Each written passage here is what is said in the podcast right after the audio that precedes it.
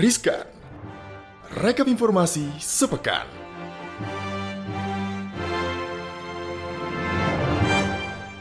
Halo Sobat Cuan, apa kabar? Selamat datang di Cuap Cuap Cuan. Ada gua Gibran. Ada Alim juga nih, dan kita udah di ini ya di end of the week gitu ya, Gip ya di penghujung Bener minggu banget. ini. Berarti ini adalah saatnya untuk riskan rekap informasi sepekan. Ada informasi apa aja sih Lin hari ini? Nah ini informasi pertama masih tentang corona ya, karena ini adalah yang kita hadapi seluruh tahun Mhm. hadapi ini gitu ya. Tapi ini ternyata kalau kata Center of Disease Control and Prevention atau CDC Amerika Serikat, ini dunia tuh ternyata punya senjata ampuh untuk melawan corona selain vaksin. Nah, Wow, apa tuh? apakah senjatanya itu? Jadi senjatanya kalau kata CDC ya, ini adalah Hmm. masker. Kayaknya semua orang udah tahu gitu, tapi nggak banyak orang Benar. sadar gitu bahwa masker ini merupakan alat kesehatan masyarakat paling kuat yang kita miliki untuk melawan corona. Bahkan Mhm. mungkin Gibran ya dan Sobat Cuan, Mhm. masker ini memberikan proteksi yang lebih baik ketimbang vaksin. Kenapa? Benar. Karena ini CDC ini udah punya bukti ilmiah kalau masker itu bekerja berfungsi gitu ya untuk melawan corona Mhm. dan merupakan pertahanan terbaik kita. Kalau vaksin sendiri gitu, vaksin ini memang paling potensial gitu, tapi kemungkinan tersedianya itu jumlahnya terbatas dan mungkin juga akhir tahun ini atau mungkin tahun depan. Dan vaksin ini kemungkinannya hanya memiliki imunogenitas 70% aja. Jadi imunogenitas ini adalah kemampuan vaksin untuk membangun respon imun terhadap virus. Jadi nggak semua orang kalau divaksin itu keluar sis- eh, sistem imunnya atau respon imunnya. Betul banget. Makanya dari Makanya dulu apa? sampai sekarang itu harus kudu wajib mematuhi protokol kesehatan. Kalau disuruh pakai masker, pakai maskernya, jangan ditaruh di dagu, Betul, jangan cuy. bandel gitu ya, apalagi ditaruh di saku Mm-mm. gitu. Iya, apalagi Mm-mm. sok-sok nggak mau pakai kan? karena nggak ada yang kebal corona ya kak ya gitu. Jadi Benar kalau banget. kalau masker ini memang udah terbukti ampuh gitu. Kalau vaksin Mhm. belum tentu lo disuntik vaksin direspon gitu, ada sistem imun yang keluar gitu karena nggak 100% Iya benar. Mhm. Berita Nah ngomong-ngomong soal masker nih, Mhm. Lin, ini yang menjadi berita kedua juga di pekan ini. Ini tuh menurut Satgas COVID-19 itu tuh Hmm. jangan pernah kita pakai masker scuba dan buff di area publik. Nah Oh, tahu iya. kan masker scuba Ah, ah, itu ah, ah.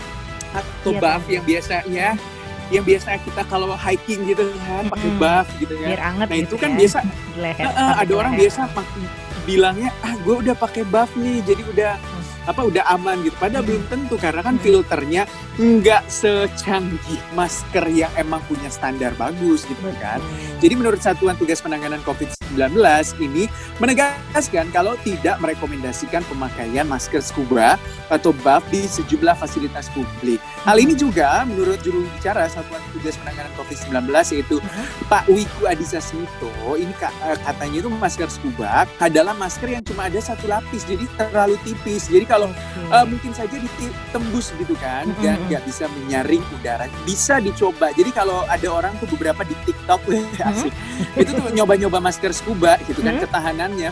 Dan emang benar kalau pakai masker scuba terus eh, tiup korek api gitu, korek Hmm. gas gitu, itu padam. Artinya jadi udara kita itu tembus.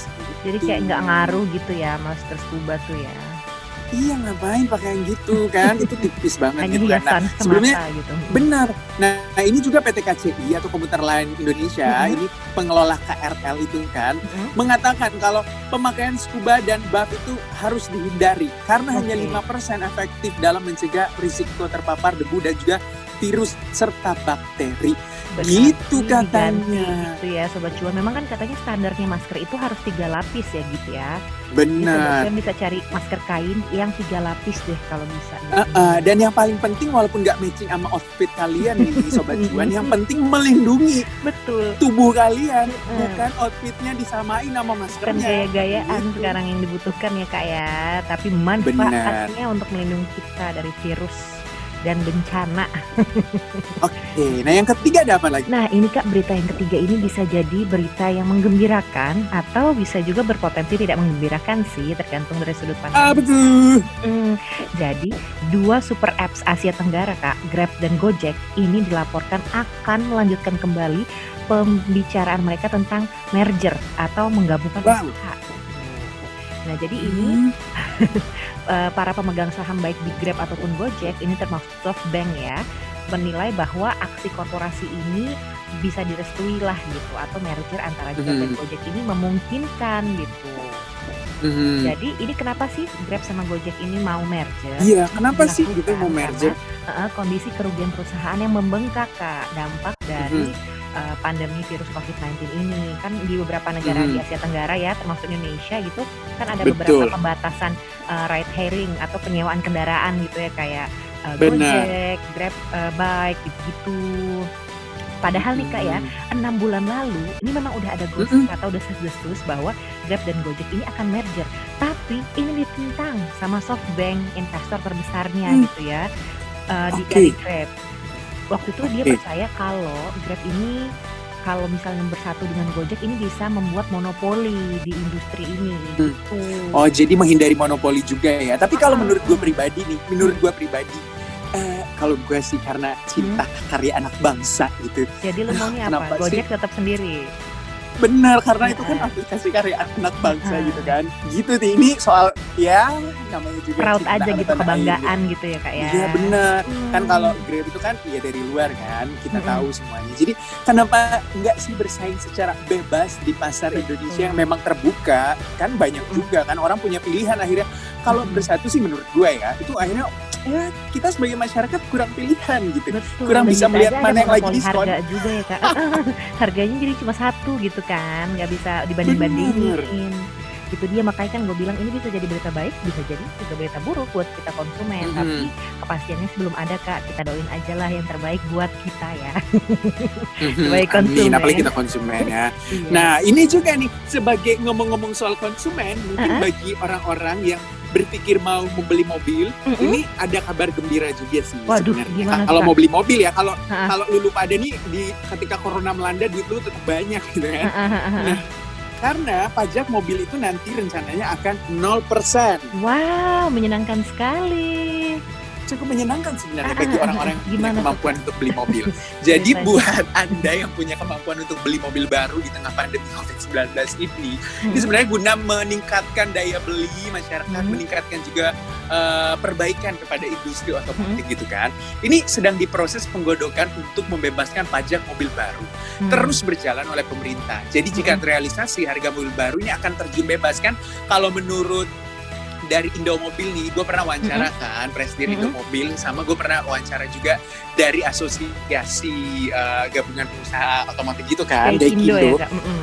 Eh, eh, kalau kata dari Indomobil tuh dari 100% harga kendaraan bermotor itu khususnya mobil itu 40% itu masuk ke pemerintah. Sebenarnya harganya cuma 60%, tapi kenapa Hmm. bisa mahal karena ada pajak yang begitu Jadi tinggi. pajaknya Gitu. itu 40% sendiri ya kak ya. Eh, eh, nah terus Oke. ga- kata Gaikindo nih kata Hmm. benar nggak sih namanya Gaikindo ya gabungan iya benar Gaikindo katanya eh gue kaget. tapi benar kata Pak Hmm. Yongki ya Pak Yongki ini katanya eh, kalau misalnya dia itu emang mengusulkan jadi asosiasi itu mengusulkan untuk eh, supaya ada eh, pemotongan pajak itu supaya lebih meningkatkan gairah beli masyarakat iya. penjualan juga minimal katanya 50% kalau Mm-mm. bisa. Kalau Karena itu kan minimal ya ya, berarti bisa 70, 80, bisa 100 persen. itu harapannya.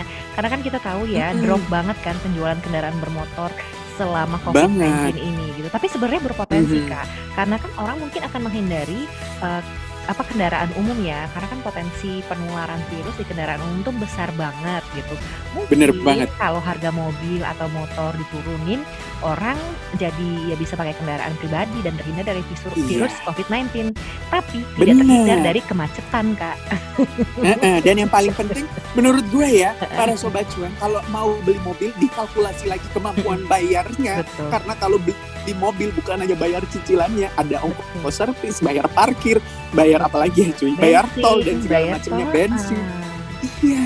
Jadi jangan sampai gajinya masih cukup untuk beli motor, udah melangkah ke cicilan mobil. Betul. Jangan gegabah Gitu. meskipun nanti Benar. harganya turun dan pajaknya 0% gitu ya. Benar. Karena itu Hmm. cuma berlaku sampai bulan Desember ya rencananya cuy. Oh gitu. Iya. Jadi sobat cuan malah kayak buru-buru deh. Ya Ya udah deh yang penting Iya. beli gitu. Jadi jangan sampai numpuk utang ya. Betul, karena kalau utang kebanyakan nanti yang ada pusing sobat cuan. Ini sama nih Mm-mm. kayak ternyata utang luar negeri BUMN Indonesia ini nih udah membengkak Kak. Udah sampai ke 835 triliun rupiah kalau di total. Wih, banyak Jadi- juga ya. Ah, kalau kata Bank Indonesia, ini Bank Indonesia mencatat utang luar negeri BUMN pada periode Juli 2020 ini bengkak eh, sampai dengan 5,78 miliar US dollar atau kalau dirupiahin ini setara 835 triliun rupiah.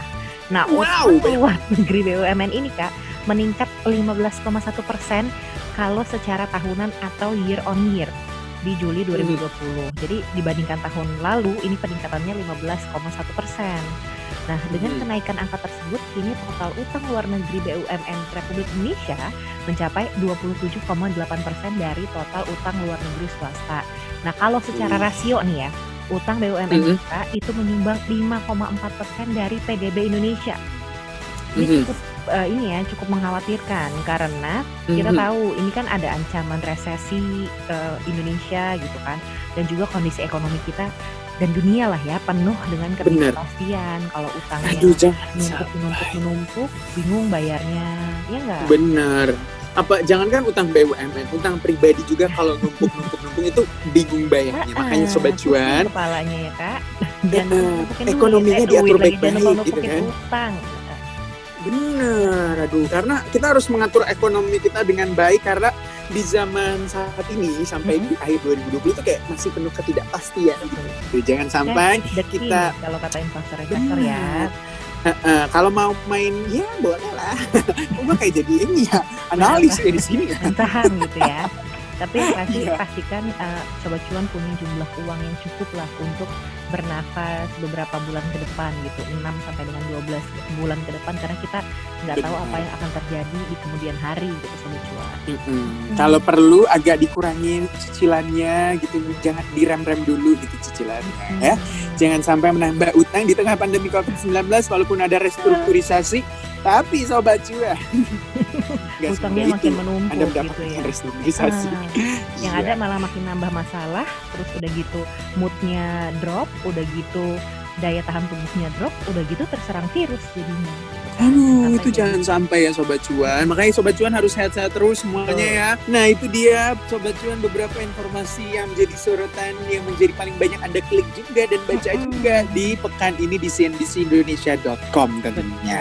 Kalau misalnya mau tahu informasi lainnya, bisa loh diklik di eh, Instagram at Indonesia atau di at cuap underscore cuan. Betul banget. Jangan lupa terus eh, baca-baca ya berita-berita yang ada di cnbcindonesia.com. Kalau kamu belum punya apps-nya, kamu harus buruan cepetan di-download Iya. aplikasinya. Betul. Begitu ya Sobat Cuan. Informasi dan didengerin juga ya podcast kita di podcast Cuap Cuap Cuan. Di Spotify kesayangan kamu tentunya ya. Betul. Gitu. Kak. Hmm, Oke, udahlah kita ya. pamit dulu ya. Dadah semuanya Sobat Cuan Gibran. Alin pamit. Have a nice weekend Sobat Cuan. Dadah.